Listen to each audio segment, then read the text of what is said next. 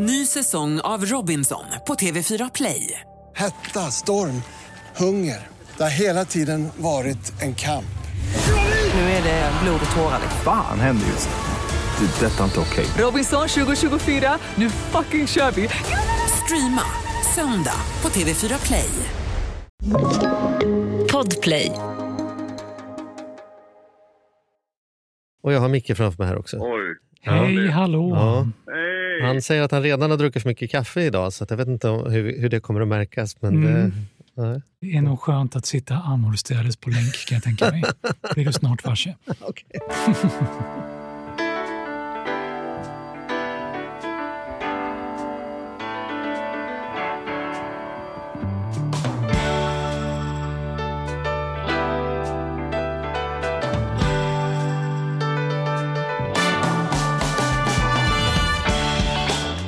Hej och varmt välkomna till Ekonomi på riktigt med Charlie och Mattias. Vi kör på som vanligt Charlie. Mm. Tisdagar. Och nu, är det något stort som, som händer. Vi spelar ju in det här på måndagar, alltså dagen innan Så som är det. avsnittet släpps. Mm, ifall du skulle säga något hemskt så kan vi klippa bort det, så att vi har en dag till godo här. Precis. Mm. Ja, just det. Sen vill man att det ska finnas från tisdag morgon redan, så då skulle det bli väldigt svårt att spela in på natten. Så Mm. vi, vi, därför spelar vi in på måndagar. Men eh, ja, och vi har ju då en, en eh, vi ska ju hylla den här, eller vi ska väl hylla allt möjligt, jag säga, men vi ska ju framförallt prata om Nobelpriset idag. Ja. För att imorgon, så, eller det har ju släppts redan nu här, precis nyligen för en kvart, 20 minuter sedan, så, så släpptes ju vem som är årets Nobelpristagare i ekonomi. Precis. Och hur skulle vi kunna bevaka det bättre än att ha självaste ekonomiprofessorn hos Mm. oss? Alltså. Ja, vi, vi kör den här applåden, jag tycker det är så trevligt. Så vi Ja. säger varmt välkommen Mikael Dahlén.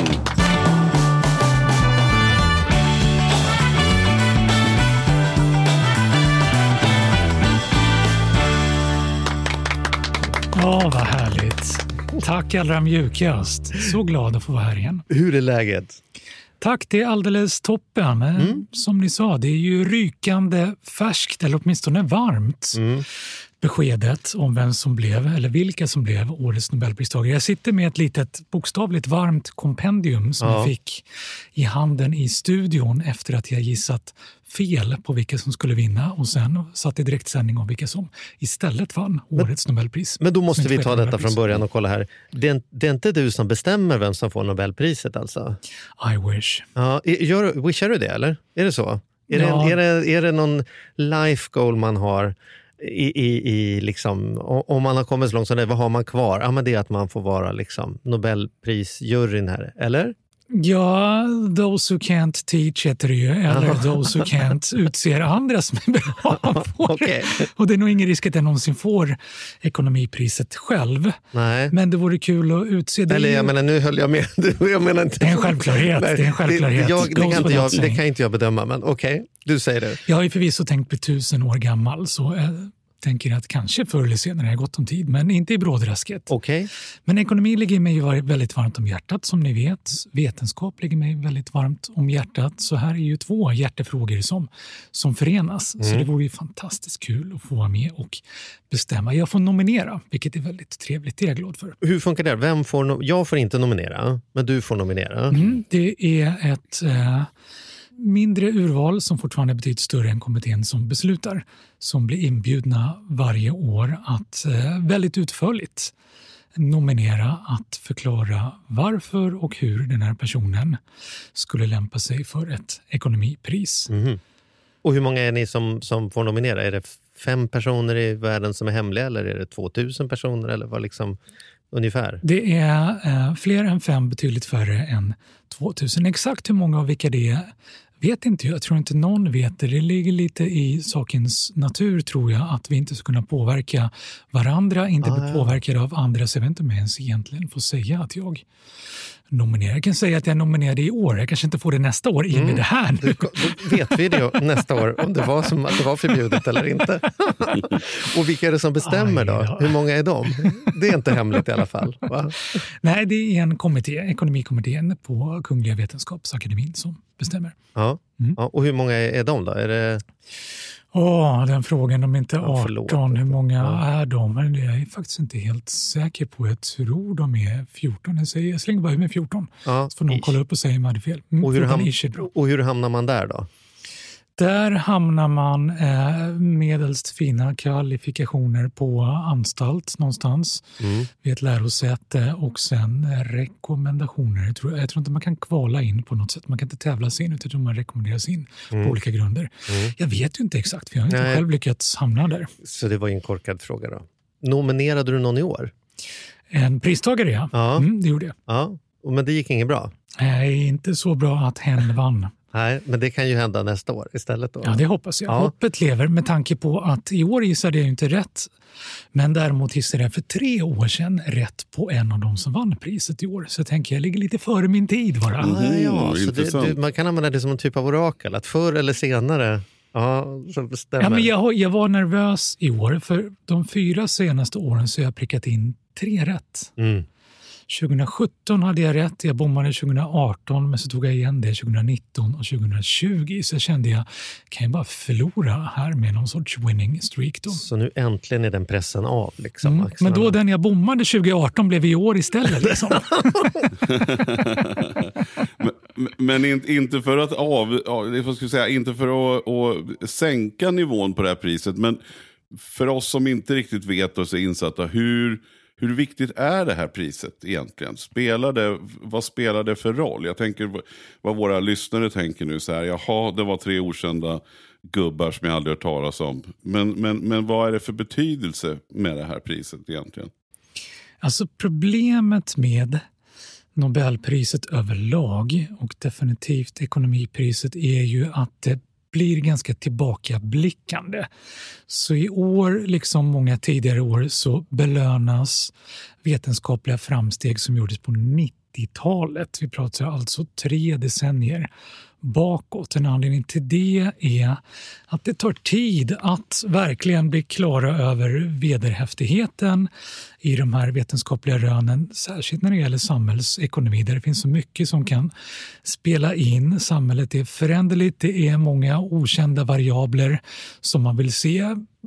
Skulle de göra skillnad man inte fångar upp tidigare? Och så vidare. Så det, här är inte någonting sprillans nytt och det kanske inte framför allt eh, ger upphov till en massa ny forskning. Eh, definitivt inte från just de här prismottagarna som ju är förbi eh, vanlig pensionsålder, vanligen vid det här laget. Men det, det skapar ju en uppmärksamhet kring de här rönen som inte blivit så uppmärksamma tidigare. För det blir de ju inte när de publiceras i vetenskapliga tidskrifter. Det är ju inte en jäkel som läser det. Så det kommer samhälle, det kommer folk eh, lite mera till hens eh, till gagn att faktiskt få veta att så här fungerar det, här kanske jag kan använda. Jag tycker det blev tydligt med Richard Taylor som jag prickade rätt som jag är jätteglad för, 2017 som forskar kring nudging bland annat. Som ju är någonting som folk svänger sig med Ja, lite överlag Ja. och som ju blev eh, verkligen någonting att använda under pandemin nu till exempel när det blir vi själva som ska ansvara för att hålla oss smittfria från att inte smitta andra. Hur kan vi i små beslut vi fattar hela tiden, små beteendeförändringar, göra bättre?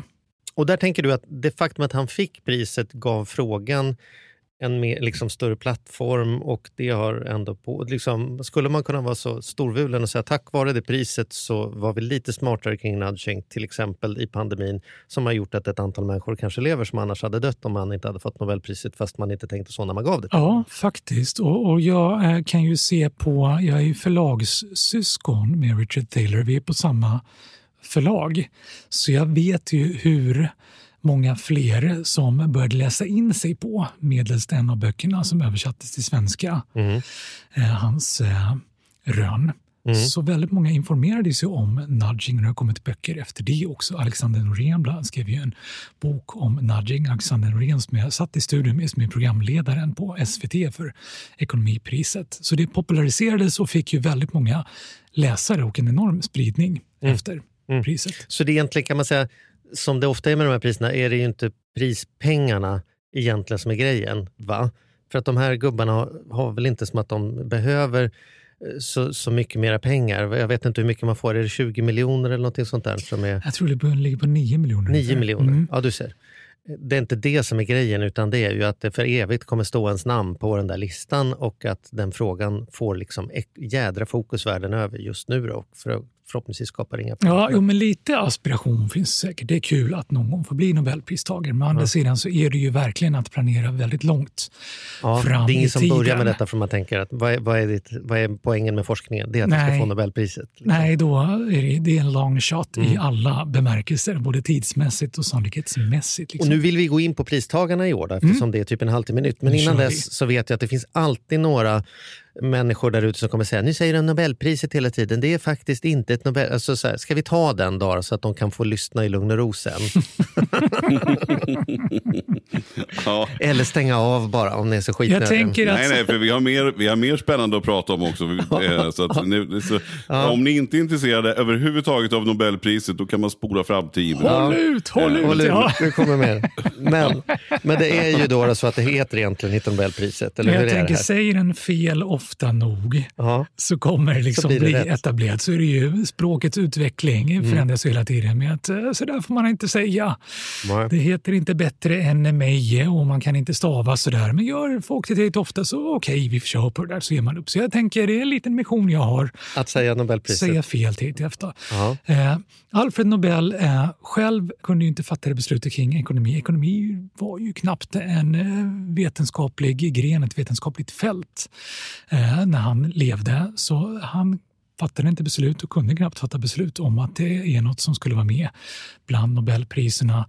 Också på hans tid så var ju ekonomi lite misstänkliggjort för det var ju en del stora kriser kring den tiden. Men jag tänker att ekonomi, sen det instiftades eh, som ett pris som ändå delas ut, har bevisat sig steg för steg och jag tänker i högsta grad att pandemin med allt det hemska det inneburit faktiskt samtidigt gett ekonomin en chans att bevisa sig hur viktig den är för välfärden, för välmåendet, för mänskligheten när, när det blir riktigt tufft. Så att, hoppas att Ja, vi snart verkligen. Det har vi verkligen Ja. sett bevis på.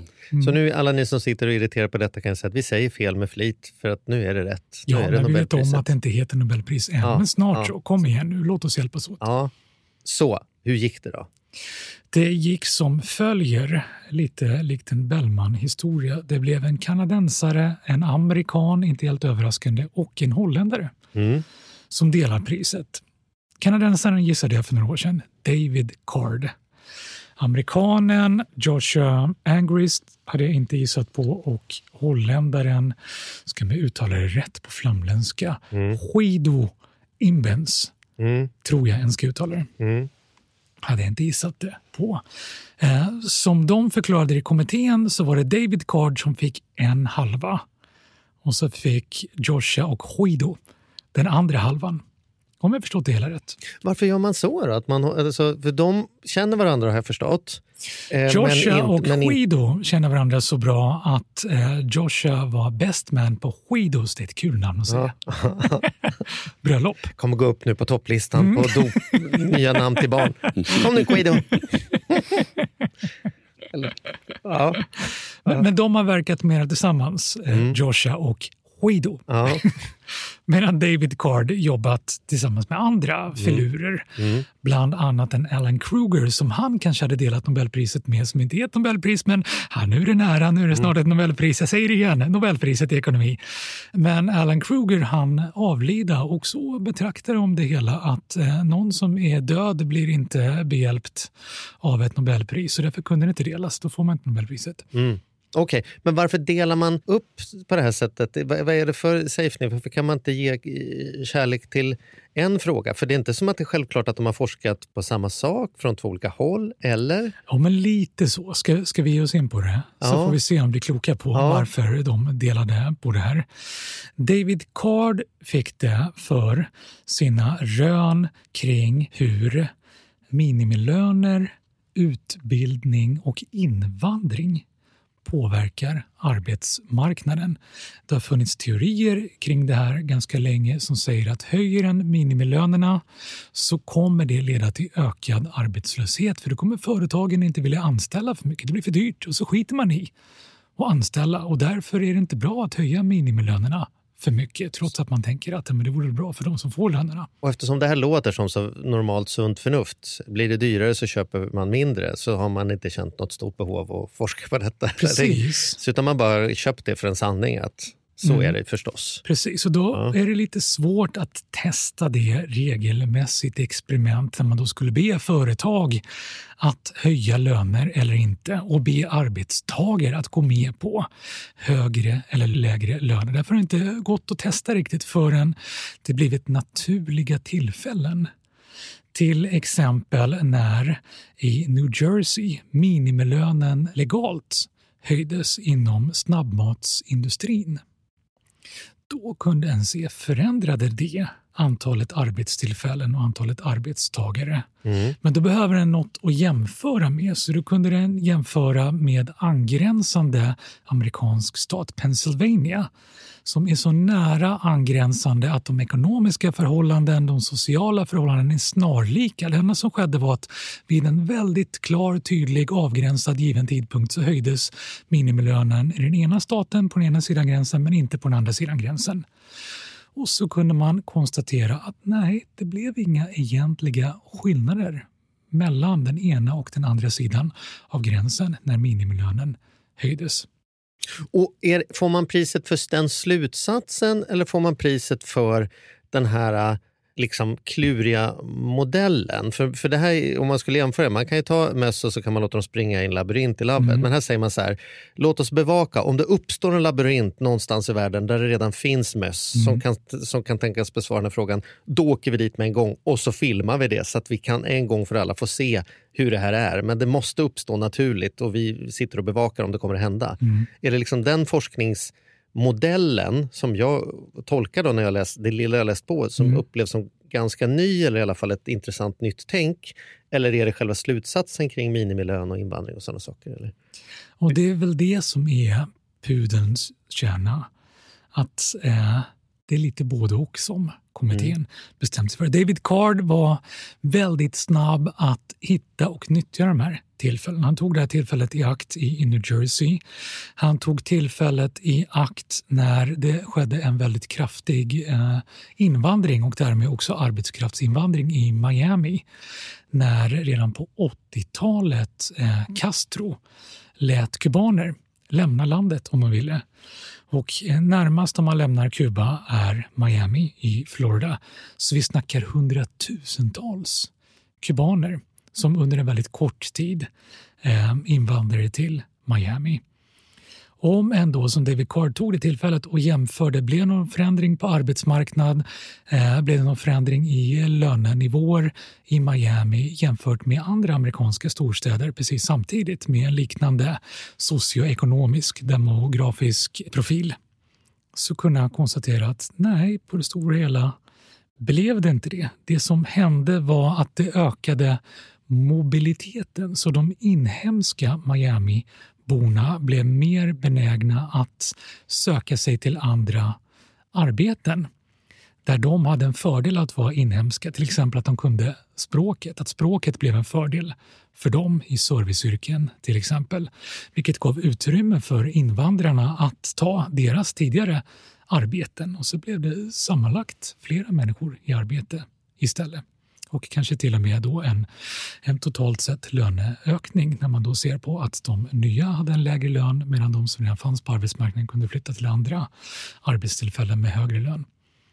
Och det var ju toppen och smart eh, av David eh, Card att utnyttja de här tillfällena och se på. Men det Joshua Angrist och Guido Konda Guido gjorde var att teoretisera kring det här. Hur mycket kan den egentligen säga kring de här naturliga experimenten och vad ska en leta efter för att bestämma sig för att det här är ett bra naturligt experiment där vi kan uttala oss verkligen om orsak och verkan, att någonting händer och ger en tydlig effekt. Och det var egentligen det de fick priser för. För de gjorde inte lika spännande experiment, inte lika omvälvande tydliga experiment utan diskuterade mera vad kan vi kalla det här för?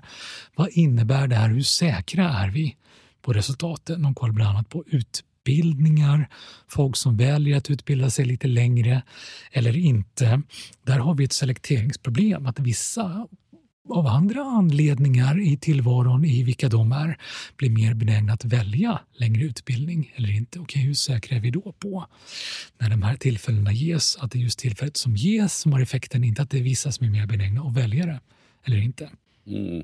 Så vad jag hör med mina små öron här är ju då att det låter nästan som att det är den här David Card som har varit en föregångsman i att forska med hjälp av naturliga tillfällen och sen de här som mer eller mindre har kvalitetssäkrat hur rimliga är slutsatserna han och Mm. andra kommer fram till när de använder detta. Liksom. Mm. Du hör väldigt bra. Mm. Är det här liksom egentligen en ekonomifråga? För det här skulle väl kunna uppstå inom vilket forskningsområde som helst kanske, tänker jag. Alldeles sant. Och därför var John Hassler, som är ledamot av eh, kommittén som beslutar, eh, lite småmallig. Han hade ett stort malligt leende på läpparna faktiskt när han satt där i studion och förklarade att det här är någonting som eh, gäller för alla vetenskapliga discipliner och fält. Men ekonomerna var först Ja. menade han. Så eh, medicinsk vetenskap till exempel har lärt sig av det. För medicinsk vetenskap har varit bortskämda. De har haft inte bara människor utan råttor, kaniner, duvor, allt möjligt som inte vi på samma sätt har kunnat använda i ekonomi. Och de har haft labb där de har kunnat ha de här råttorna, kaninerna och för den delen människor också. Och labb ja, finns inte lika mycket. Det finns några sådana priser för labb i ekonomi också. Men vi har varit, vi har varit relegerade, det låter bisarrt, men vi har re- varit relegerade till verkligheten som är skitig och smutsig och svår att kontrollera och därför tar det flera decennier innan vi vet om vi egentligen vet det vi tycker oss veta.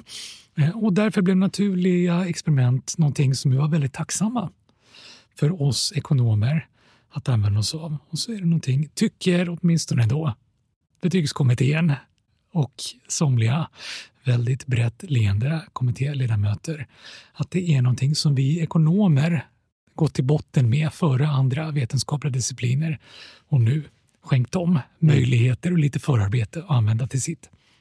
Är det så man kommer kunna titta på detta i framtiden när vi tittar tillbaka på Precis som nudging liksom har haft den här effekten Mm. på samhället. Är det det vi tror om, om fem år kommer vi titta tillbaka och säga att en rad saker har vi listat ut i den smutsiga verkligheten tack vare att vi kastade ljus på detta just den här hösten? Liksom. Eller Ja, vad, vad tror du? förhoppningsvis. Och liksom för att ta ett väldigt närliggande exempel.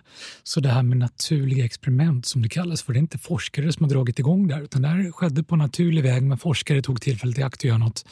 Nu är vi fortfarande mitt uppe i det med pandemin som ju har blivit ett experiment vad gäller allt från epidemiologi och folkhälsa till ekonomi, till politik, till ja, egentligen allt som inbegriper oss människor, till klimat och vad det nu är. Så här finns ju tillfällen att lära så mycket. Och nu en, en förståelse kring vad vi kan säga och inte säga kring det här, vad vi bör hålla ögonen öppna för. Och vi kommer ju veta så mycket. Jag är ju jättenyfiken. Ska vi vänta tre decennier på att få se eh, rönen utifrån pandemin innan vi belönar det? Jag hoppas att det här kan vara någonting vi faktiskt tar fasta på och belönar redan om fem år. Eller vad fasen, varför inte redan om ett år? Mm. Oh, nu förekom du min fråga som ju var, eftersom du brukar ibland ha rätt med en gång och ibland har du rätt lite senare. Vem får priset nästa år? Ja, kan vi då- göra läxförhör om exakt Ja, men 365 då, dagar? om vi tänker så här då, att David Card eh, var jag ju för tidig med. Eh, I år hade jag ju som eh, en av mina potentiella vinnare Paul Slovic. Mm. som inte fick det nu, då kanske han kan få det nästa år. Paul Slovic eh, forskar och forskade redan för 30 år sedan också för den delen om eh, hälsa och riskbedömningar.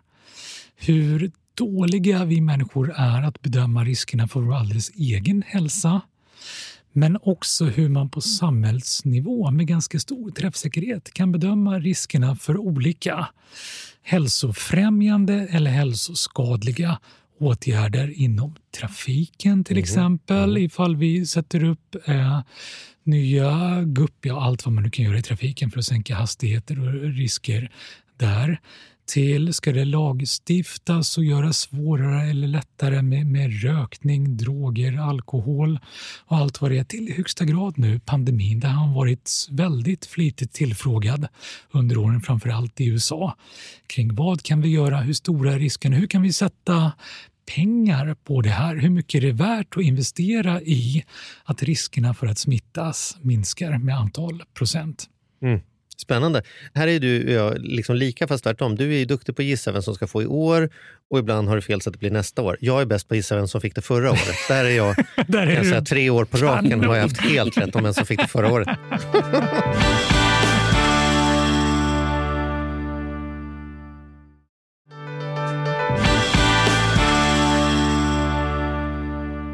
Det är också intressant, det som, är så, som jag tycker är så kul med ekonomipriset och framförallt som i år så finns det ju en Eh, det är ju begripligt ändå för oss och det var väl lite det vi ville komma till. Att det, här, det, här, det går ju att förstå och höra vad det du beskriver som ju också blir väldigt viktigt i vardagen för alla.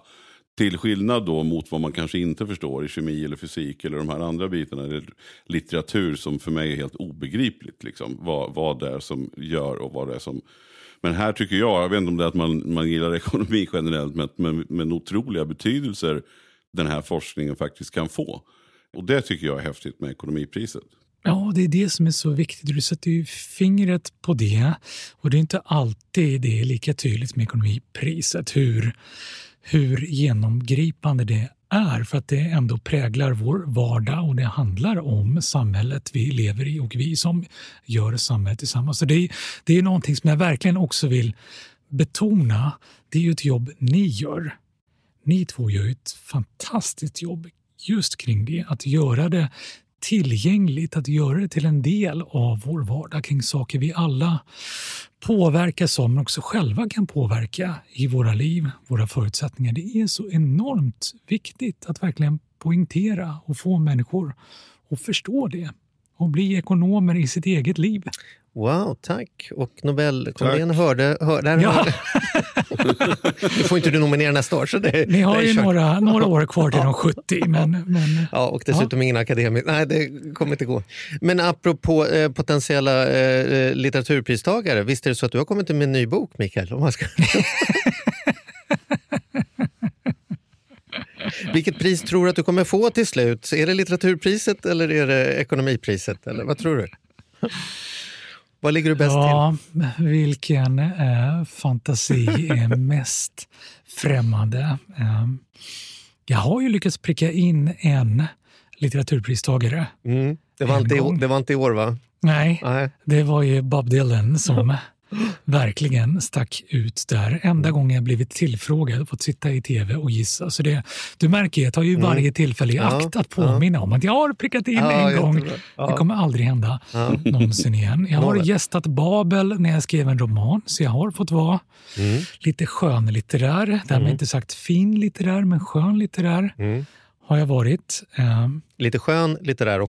Den här podden gör vi även den här veckan i samarbete med Saveland. Fan Mm. vad kul det är att ha dem med ombord. Mm, jätte, jätteroligt. Ja, vi brukar prata om att man har något band som man såg jag stod Bo Kaspers jädrigt tidigt liksom, innan man gjort tv-debut. Och du har något hårdrocksband som du var jävligt tidig på. Ja, alltså jag var på, på Lilla Teatern Göta Lejon och såg Metallica Ja. 1984. Så gammal är jag. Och jag var i kontakt med Saveland när det fortfarande var typ tre, fyra personer där från Mm. början. Jag fick möjlighet att träffa dem. Eh, och nu är de ett stort bolag, fyller tio år, finns på börsen och jobbar helt enkelt med att vanliga privatpersoner och företag kan investera pengar eh, i eh, lån och krediter. Mm. Så man får riktigt bra ränta. Så eh, det rullar på efter tio år, bättre än någonsin. Fantastiskt kul att ha dem med här i podden. Mm. Gå in, testa, kolla. Vi har en kod som gör att om du öppnar ett konto och använder på riktigt får du dessutom en insättningsbonus just nu. Precis, och vill man veta mer så som sagt gå in på saveland.se. Men Man kan också lyssna på Ludvig som har varit gäst i vår podd två gånger. Får Ja. man en ännu bättre inblick i Ja. vad, vad det är de pysslar med egentligen. Men eh, ja, saveland.se och stort tack. Ny säsong av Robinson på TV4 Play. Hetta, storm, hunger. Det har hela tiden varit en kamp. Nu är det blod och tårar. liksom. Fan händer just nu. Det. är Detta är inte okej. Robinson 2024, nu fucking kör vi! Streama söndag på TV4 Play. Ett poddtips från Podplay.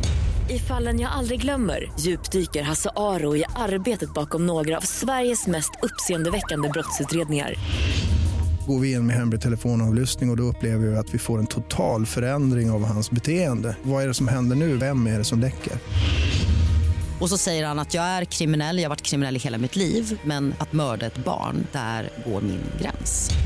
Nya säsongen av Fallen jag aldrig glömmer på Podplay. Också skönlitterär. Så vem vet, med tanke på, med tanke på att, och det blev vi väl väldigt varse i år, att litteraturpriset, alltså det är ju, oh, där snackar vi ju högoddsare. Ja. I ekonomipriset finns det ett antal lågoddsare och David Card var ju inte jättehögoddsare. Mm. Eh, årets litteraturpristagare var ju en väldigt högoddsare och de är ju ofta det. Mm. Så då tänker jag så här att ja, men då, då kanske det ligger närmare, för jag, pass, jag passar ju definitivt in på profilen högoddsare Just det, vad gäller du litteratur. så. Mm. Så, så det kanske Ja. ändå känns mer plausibelt än Ja. ekonomi. Ja. Nåväl, det var bara försök till en övergång till den nya boken. Ja, precis. Men du har ju en väldigt spännande titel på den. På, på, för den, här, den här boken släpptes ju bara så sent som i förra veckan och heter Sifferdjur. Just Det är ett mycket märkligt namn. Det skulle kunna vara en coolt, ett coolt namn på en bra låt, tänker jag. Alltså den är så här, va? va? va liksom, man hajar till. Sifferdjur. Berätta. Ja, men skönt, apropå Bob Dylan, att det skulle kunna bli en cool Ja. eh, låttitel. Jag gillar ju att skriva låtar. Kanske är den vägen jag nalkas litteraturpriset i sådana fall. Det kan det vara, ja. Precis. Ja, men Sifferdjur, kul att ni gillar titeln. Eh, brottades med vad den skulle heta. Titeln som ska förklara hur siffror smugit sig in i våra liv på ett sätt och med en hastighet som gör att vi inte riktigt förstått eh, hur siffror eh, verkligen i alla avseenden nu är en del av våra liv. Det gick så fort. Det är bara för fem tio år sedan så var det inte alls på samma sätt. Och helt plötsligt är det överallt så. Så det kunde heta massa olika Men saker. tänker du då på, liksom, alltså, alltså, är det beräkningar? Är det så du menar? Alltså recensioner eller att vi stegräknar eller att vi, vi liksom sätter betyg på olika saker? Är det, är det där du menar, eller? Ja, och det är det som är grejen, för det är all of the above på ren svengelska. Att eh, vi sätter betyg på allting numera. Du kan ju inte äta en lunch, du kan inte ta en fika utan att betygsätta den. Blir nästan essentiellt. Har jag ätit den här bullen, ifall ingen har frågat mig hur många stjärnor den får, och jag har bidragit till ett snitt på 4,7. Du kan inte gå från eh, studion som vi sitter nu och hem utan att få ett facit på hur många steg du tog. Och har du inte det facit så undrar du, tog du de stegen överhuvudtaget? Vi har ju alla varit ute och gått och sagt helvete, nu har jag glömt mobilen hemma. Nu räknas inte den här Nej, promenaden. precis, eller hur? Ja. Eh, Du kan inte äta en restaurangmiddag utan att få reda på hur många tyckte att den här middagen var något att ha eftersom du lagt ut den i sociala medier och fått antal hjärtan, tummar och så vidare på det där. Och du kan inte läsa nästan en enda nyhet idag. Det är också att kolla upp utan att det finns siffror med i de nyheterna på så här många är smittade i corona. Det är ju ett väldigt tydligt exempel som alltid låg överst på alla nyhetssajter under hela det gångna året nästan. Så det är precis min överallt. absoluta favoritsiffra är att 8 av 10 rekommenderar Dr. Oetkers pizza.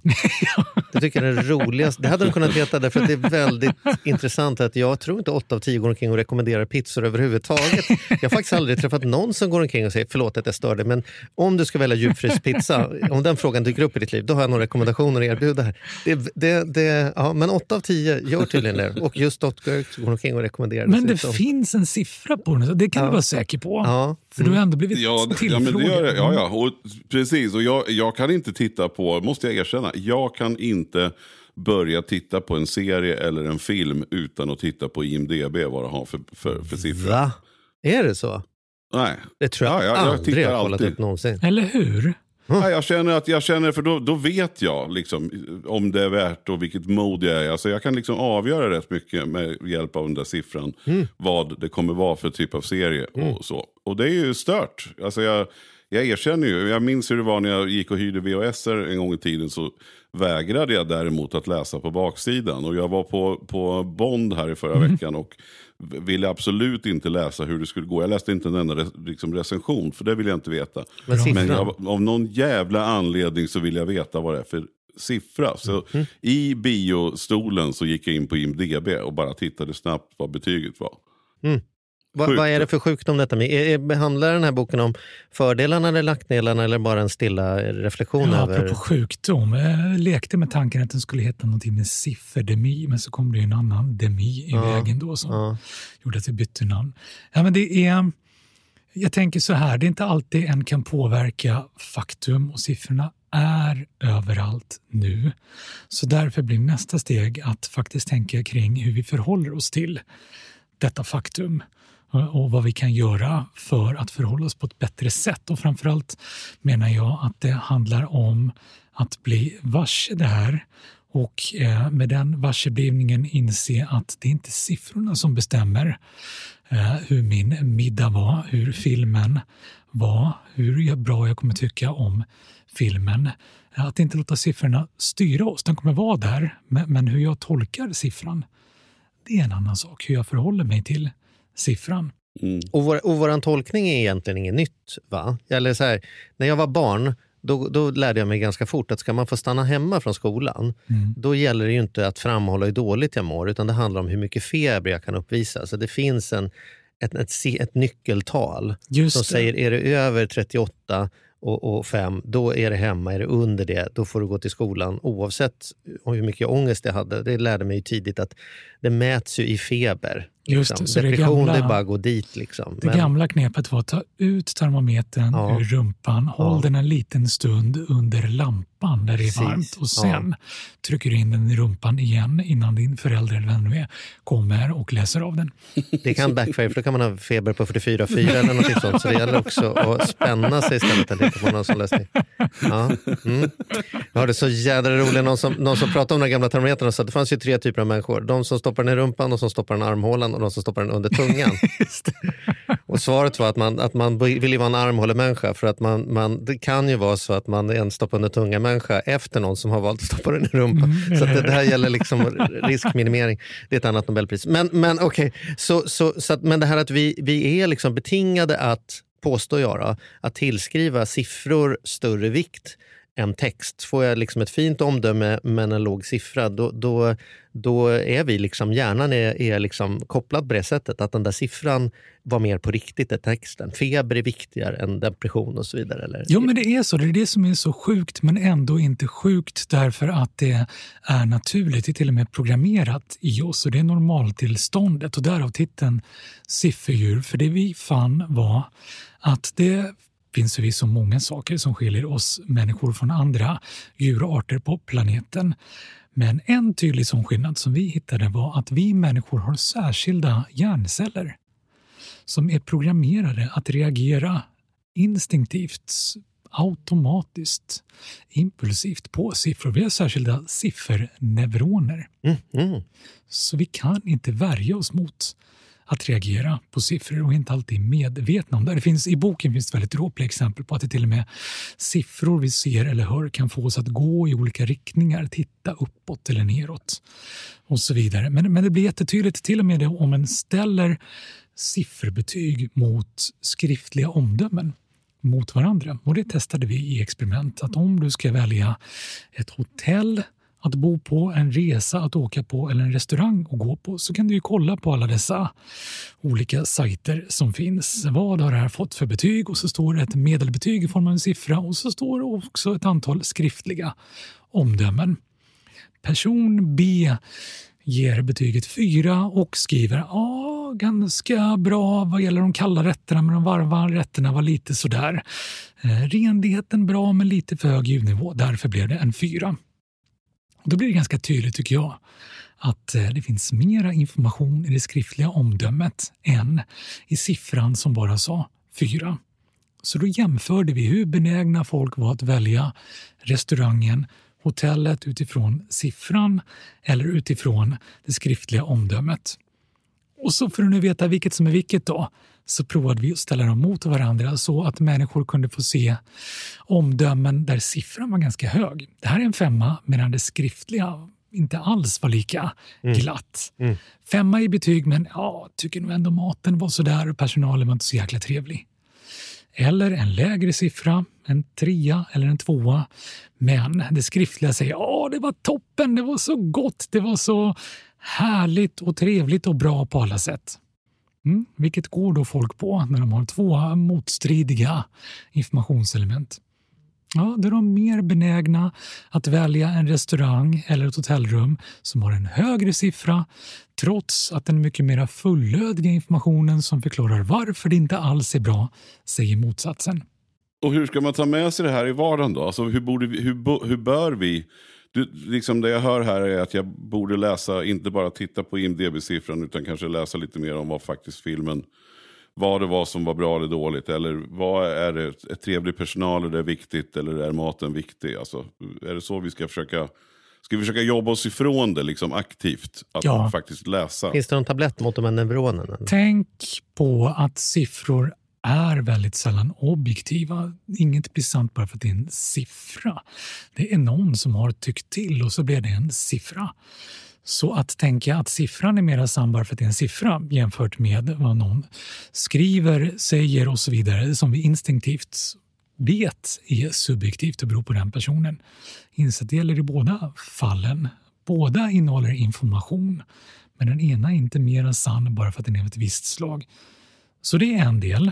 Men skulle det också kunna vara så, tänker jag, då, att, att man också blir påverkad av ifall andra har gett ett högt betyg så vill man vara lite som alla andra.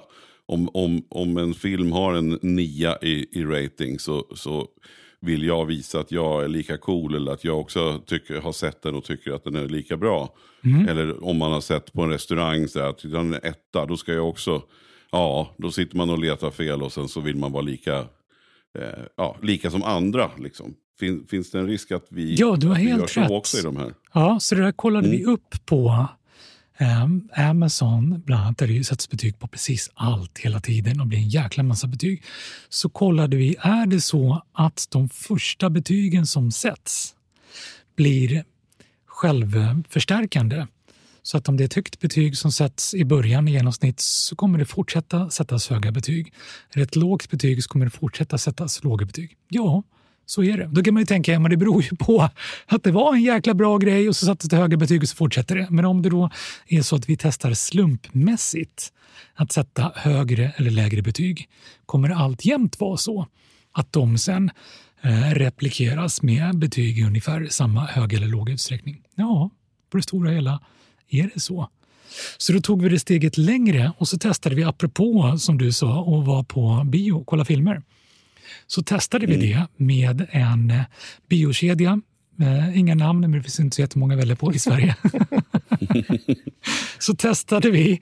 De har ju en medlemsklubb och så vidare. Så där kunde vi då skicka ut eh, med mejl till medlemmar information om att eh, ja, de kommande filmerna den här veckan, de nysläppta filmerna de här veckan är de här och de har fått de här betygen.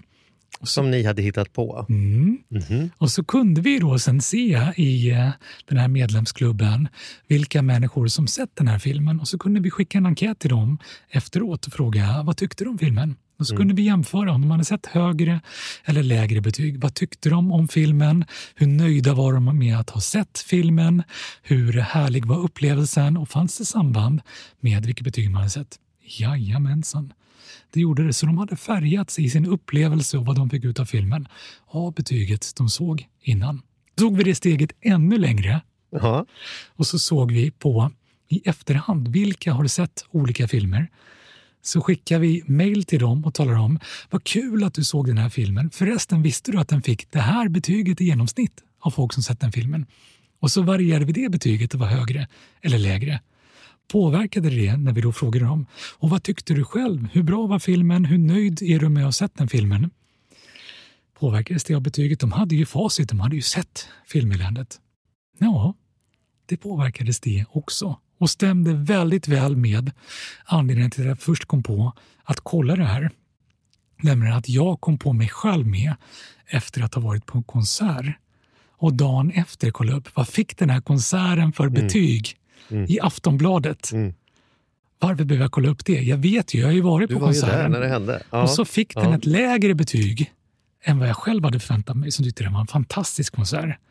Och så kom jag på mig själv med att tänka tanken, ja, Den var nog inte så den var nog kanske... Nej. Nej. Mm. Nej, det, där är, det där är väldigt fascinerande hur man lätt kan hamna i den där och, att man inte liksom riktigt vågar tro på sig själv. För att Mm. jag, jag, jag vet nu till exempel, på tal om konsert, jag var på Rolling Stones på, på Friends. Mm. Och, då, då, och jag, tyckte det var, jag, jag tyckte det var otroligt bra. Men då hörde jag någon, som, någon sån här dagen efter också, precis då, något, något fan. Dels så gick jag in också och tittade, vad tyckte Markus Larsson på Aftonbladet om, om Mm. konserten. Och då var jag lite nöjd, då, för då, då vill jag minnas att det var okej, liksom. det var bra. Men sen så, så fick jag också höra att det beror helt på vilket humör han är på. Eh, den, liksom gitarristen där, alltså hur, Keith Richard, alltså vilken, vilket humör han är på, om det, om det blir en bra eller dålig. Så då, då kom jag på mig själv gå in på forum och tittade, vad tyckte, vad tyckte de här experterna som har sett, som har sett Rolling Stones tio gånger, på, på hur bra på en skala var han egentligen då, eh, och därmed bandet. Och då var, var det också bra. Och då var jag liksom så här benägen att vara ännu stöddigare, eller mer, liksom inte stöddigare, men gärna påtalade för folk att jag var på Rolling Stones på Friends. För att den då skulle ha varit en bättre, för att några förståsigpåare tyckte det. Och det är ju också lite, det är lite stört. Alltså. Och det där, jag kom på mig själv i den där, att vad fan, jag var där, jag tyckte det var toppen. Bra. Liksom, bra, stanna där. Liksom.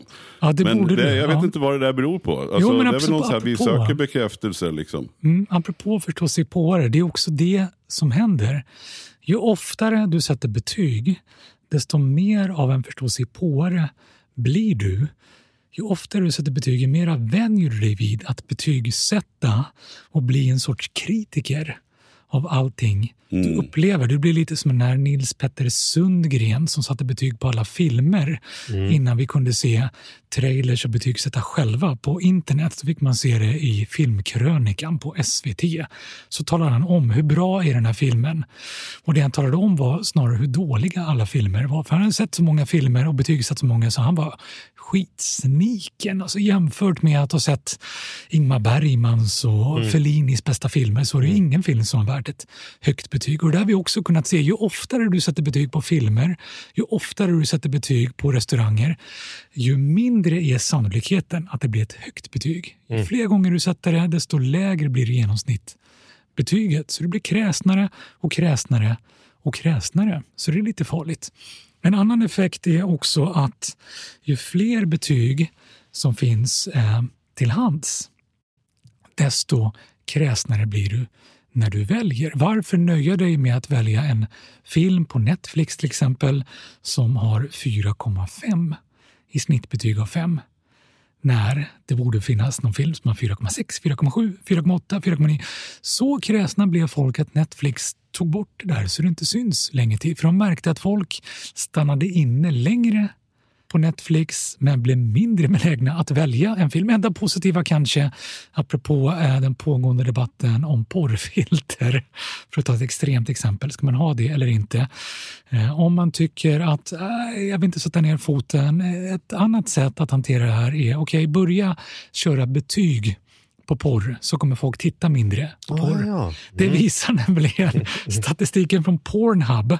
Pornhub, där kan du se korta videoklipp. Som betygsätts? Liksom. Ja, de, de egentligen så tummar man bara upp, så det man får är en procentsiffra. Den här eh, filmen fick 89 som tummade upp. 89 procent. Det har lett till att folk stannar inne längre på Pornhub men startar färre videoklipp. För de känner, ska jag nu ägna två minuter om mitt liv att get off, ja, men då ska det verkligen vara värt det. Så, det Kvalitet. så det har fått folk att sitta och scrolla mera, men onanera mindre. Ja. Så är det. Ja, det hade också varit en boktitel. Ja. Scrolla mer och onanera mindre. Det kanske får bli, det får bli summeringen av den här podden idag. Lite märkligt men... eh, Där har vi titeln på avsnittet. Ja. Ja. Själv vill jag då lägga en röst i Ja. andra kor. Scrolla mindre och onanera mer. Det tycker jag det tror jag leder till ett mer lyckligt liv. Men det Det var en annan bok. det var en annan bok. Det är också en låttitel. Eh. Kommer på nästa skiva.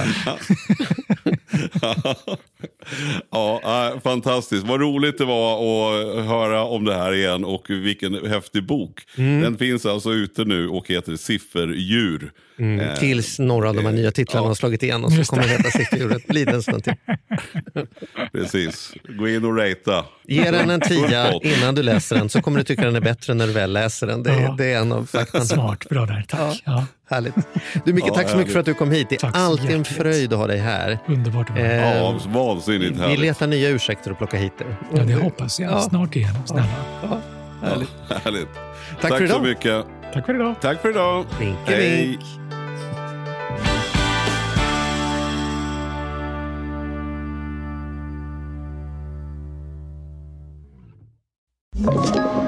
Podplay.